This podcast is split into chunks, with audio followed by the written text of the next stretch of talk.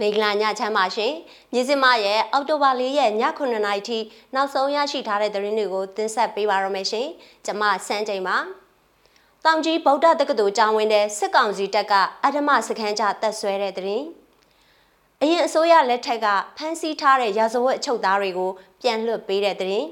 တာဂီတာမှာဒလန်ကျောင်းဆောင်ပြစ်တက်ခံရလို့ဖမ်းဆီးစစ်ဆေးမှုတွေလုပ်တဲ့သတင်း မန္တလေးကတပိတ်စစ်ကြောင်းတွေပူပေါင်းဆန္ဒပြတဲ့မြင်ကွင်းတွေနဲ့တူဂျပန်ဝင်ကြီးချုပ်သစ်ဖြစ်လာတဲ့ဖူမီအိုခိရှိဒအကြောင်းအစရှိတဲ့သတင်းတွေကိုတင်ဆက်ပေးပါရမယ်ရှင်။ပထမဆုံးသတင်းသပုတ်အနေနဲ့စစ်ကောင်းဆောင်ဗိုလ်ချုပ်မူကြီးမင်းအောင်လိုင်းတောင်ကြီးမြို့ဗုဒ္ဓတက္ကသိုလ်ကိုတွားရောက်ပြီးတော့ Oxford ဆရာတော်ရှင်ဓမ္မတာမီနဲ့မသွေးဆုံခင်နှစ်ရက်ခန့်အလိုကလေးကစစ်ကောင်စီတပ်ကဗုဒ္ဓတက္ကသိုလ်ကျောင်းဝင်းအတွင်းကိုအတ္တမဝင်ရောက်တက်ဆွဲခဲ့တယ်လို့သိရပါဗျ။ စစ်ကောင်းဆောင်လာရောက်မဲ့အကြောင်းမသိရဘဲစစ်ကောင်စီတပ်တွေလာရောက်တပ်ဆွဲခဲ့တာဖြစ်တယ်လို့တောင်ကြီးဗုဒ္ဓတက္ကသိုလ်နဲ့နီးစပ်တဲ့တန်ခါတဘာကပြောပါရယ်တူလာမဲဆိုတာလာခန်နီးမှအကြောင်းကသိတာအဲ့မတိုင်ခင်နှစ်ရက်လောက်ကလေးကကျောင်းဝန်းထဲမှာသူတို့လူအင်အားနဲ့တက်လာဆွဲတယ်ဘလို့ပဲတောင်းပန်တောင်းပန်ပြန်မသွားဘူးပြီးတော့မှလုံခြုံရေးအကြောင်းပြတယ်လို့ပြောပါတယ် အာနာသိန်းစစ်ကောင်စီခေါင်းဆောင်ဟာသူ့ရဲ့ရှမ်းပြည်တောင်ပိုင်းခီးစဉ်မှာဗုဒ္ဓတက္ကသိုလ်က Oxford ဆရာတော်အရှင်ဓမ္မတာမီနဲ့တွေ့ဆုံတာကိုအသုံးချဝါရဖြန့်ခဲ့ပြီးနောက်လူမှုကွန်ရက်မှာဝေဖန်မှုတွေရှိနေခဲ့ပါတယ်ရှင်။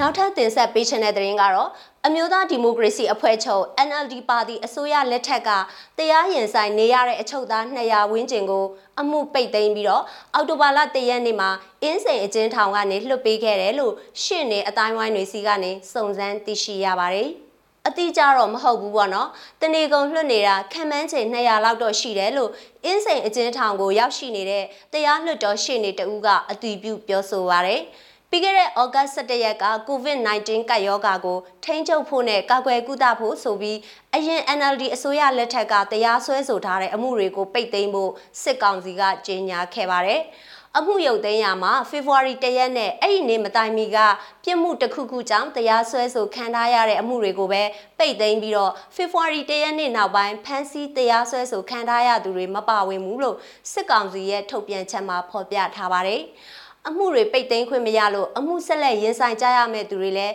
ကြန့်ရှိနေသေးတယ်လို့သိရပါတယ်။တရားစွဲအဖွဲ့ရဲတပ်ဖွဲ့ကကန့်ကွက်မှုမရှိတဲ့ရာဇဝတ်မှုတွေနစ်နာသူတရလိုကမကျေနပ်ကြောင်းစက်တဘာ30ရက်နေ့ထိကန့်ကွက်လျှောက်ထားမှုမရှိတဲ့အမှုတွေကိုအခုလိုပိတ်သိမ်းခဲ့ရကနေဆွဆွဲခံရသူတွေကိုတရားသူကြီးရှေ့မှာလွှတ်ပေးခဲ့တာလည်းဖြစ်ပါတယ်။အဲ့လိုလွှတ်ပေးလိုက်တဲ့အချုပ်သားအယောက်200ဝန်းကျင်ရှိပါတယ်။ အမှုရုပ်သိမ်းပြီးအချုပ်သားတွေပြန်လဲလွှတ်ပေးတဲ့ကိစ္စပေါ်အင်းစိန်အချင်းထောင်ကနေညွှန်ကြားရေးမှူးဦးမျိုးဦးစီကိုဖုန်းနဲ့ဆက်သွယ်မေးမြန်းခဲ့ပေမဲ့လည်းဖုန်းလက်ခံဖြေဆိုခြင်းမရှိပါဘူးရှင်။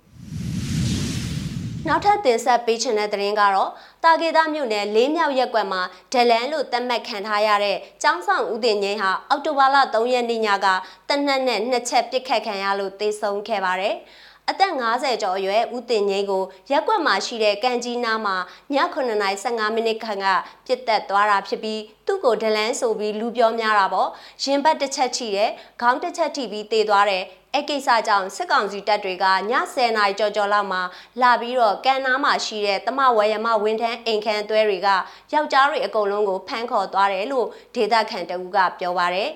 လေးမြောက်ရက်ကွက်မှာ18ဦးအဖမ်းခံရပြီးလေးတောင်ရက်ကွက်မှာလည်း10ဦးကျော်ဖမ်းခံရပြီးတော့နှစ်ရက်ကွက်ပေါင်းအနည်းဆုံးအယောက်30လောက်ဖမ်းဆီးခံရပါတယ်။သူတို့ကိုရက်ကွက်ရုံမှာစစ်ဆေးမှုတွေပြုလုပ်ခဲ့ပြီးဒီနေ့မနက်ပိုင်းမှာတချို့တဝက်ကိုခံဝန်လက်မှတ်ထိုးပြီးတော့ပြန်လွှတ်ပေးလိုက်တယ်လို့သိရပါတယ်။ မင်းညကလည်းတာကေတာမြင်းတော်သားလမ်းဂိတ်ဟောင်းမှာရှိတဲ့ပြိုးဥယင်နားမှာပောက်ကွဲမှုတစ်ခုဖြစ်ခဲ့ပြီးအဲ့ဒီပောက်ကွဲမှုကို Burma Final Revolution Armed Forces ကဆောင်ရွက်တာဖြစ်တယ်လို့ထုတ်ပြန်ထားပါတယ်ရှင်။ မန္တလေးမြို့မှာမန္တလာတပိတ်စစ်ကြောင်းမဟာအောင်မြေတပိတ်စစ်ကြောင်းစက်မှုတပိတ်ဘာသာပေါင်းစုံတပိတ်စစ်ကြောင်းနဲ့ဖယက်ကြီးတပိတ်စစ်ကြောင်းတို့ဟာဒီကနေ့နေ့လယ်ကပူးပေါင်းဆန္ဒပြပြီးစစ်အာဏာရှင်ကိုတော်လှန်ခဲ့ကြပါတယ်ရုပ်တံဖိုင်ကိုကြည့်ရအောင်ပါရှင်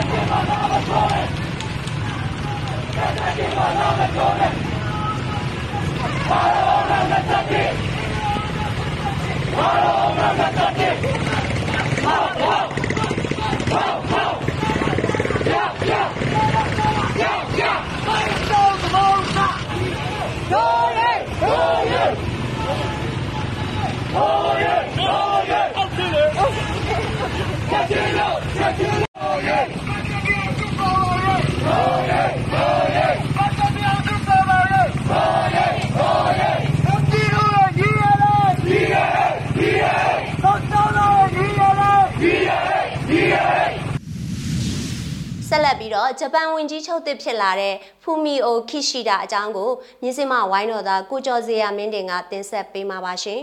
။ဂျပန်နိုင်ငံရဲ့ဝန်ကြီးချုပ်သစ်အဖြစ်မစ္စတာဖူမီယိုကီရှီဒါကိုပါလီမန်ကအောက်တိုဘာ၄ရက်နေ့မှာမဲခွဲအတည်ပြုခဲ့ပါတယ်။ရင်းအတွက်ဂျပန်ခေါင်းဆောင်တက်ဟာအစိုးရဝန်ကြီးအဖွဲ့အမည်အစင်းကိုကြီးညာသွားဖို့ရှိနေပြီးအစိုးရအဖွဲ့တက်မှာအရင်အစိုးရအဖွဲ့ကလူကောင်းတွေအပြင်မျက်နှာတစ်တွေလည်းပါဝင်လာနိုင်ပါတယ်။ ဟီရိုရှီမာနိုင်ငံရဲ့မိသားစုတစုရဲ့မျိုးဆက်တဦးဖြစ်တယ်လို့အပြောဆိုတိမ်မွေ့တဲ့ကီရှီဒါဟာပြီးခဲ့တဲ့အပတ်ကဂျပန်အာဏာရ Liberal Democratic Party LDP ရဲ့ခေါင်းဆောင်နေရာရွေးပွဲမှာရေပန်းစားတဲ့တာရိုကာနိုကိုကြော်ပြီးအာဏာရပါတီခေါင်းဆောင်တစ်ဖြစ်ရွေးချယ်ခံခဲ့ရသူဖြစ်ပါတယ်။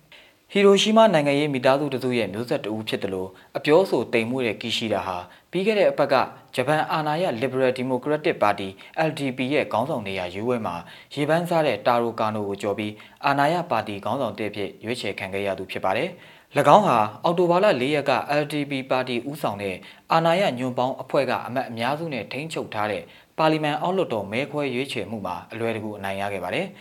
င်းဟာအောက်လွှတ်တော်တွင်မဲခွဲရမှာဆန္ဒမဲ465မဲနဲ့ထောက်ခံမဲ312မဲရခဲ့ပါတယ်။ဒီအောက်လွှတ်တော်ကမစ္စတာဖူမီယိုကီရှီဒါကိုဝန်ကြီးချုပ်ဖြစ်ရွေးချယ်အတည်ပြုလိုက်ပါပြီလို့အောက်လွှတ်တော်ဥက္ကဋ္ဌတာဒါမိုရီအိုရှိမာကမဲခွဲမှုအပြီးမှာကြေညာခဲ့ပါတယ်။အထက်လွှတ်တော်မှာလည်းမဲခွဲအတည်ပြုမှုပြုလုပ်ပေမဲ့သုံးဖြတ်ချက်အတွက်အောက်လွှတ်တော်ကအဓိကဩဇာလွှမ်းမိုးထားတာဖြစ်ပါတယ်။အထက်လွှတ်တော်မှာလည်းကီရှီဒါကိုပဲအတည်ပြုသွားခဲ့ပါတယ်။ ဝန်ကြီးချုပ်ဖြစ်မဲခွဲအတည်ပြုခံရပြီးနောက်ကီရှီဒါဟာ၎င်းရဲ့လုတ်ဖော်ကင်ဘက်အမတ်တွေကိုဥညွတ်ဂါရဝပြုတ်ခဲ့ပြီးချက်ချင်းတော့မှတ်ချက်စကားထုတ်ဖော်ပြောဆိုတာမျိုးမရှိခဲ့ပါဘူး။အစောပိုင်းတုန်းက၎င်းဟာနိုင်ငံရဲ့အမြင့်ဆုံးယာဒူးကိုထမ်းဆောင်ဖို့အသင့်ရှိနေပြီလို့သတင်းတောက်တွေကိုပြောခဲ့ပါတယ်။ကျွန်တော်အနေနဲ့စိန်ခေါ်မှုတွေကိုရင်ဆိုင်သွားဖို့ဆန္ဒရှိသလိုခိုင်မာတဲ့စိတ်ဆုံးဖြတ်ချက်နဲ့အနာဂတ်ကိုရင်ဆိုင်သွားပါမယ်လို့၎င်းကပြောထားခဲ့ပါတယ်။၎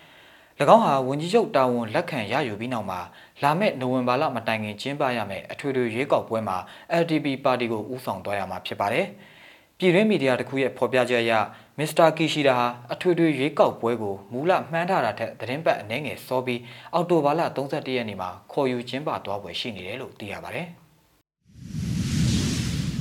မြင်းစမရဲ့အောက်တိုဘာ၄ရက်ည9:00နာရီထိနောက်ဆုံးရရှိထားတဲ့သတင်းတွေကိုတင်ဆက်ပေးခဲ့တာပါကြည့်ရှုအားပေးတဲ့အတွက်ကျေးဇူးအထူးတင်ရှိပါတယ်မြမပြည်သူတွေဘေးရန်နယ်ပေါင်းကကင်းဝေးကြပါစေရှင်။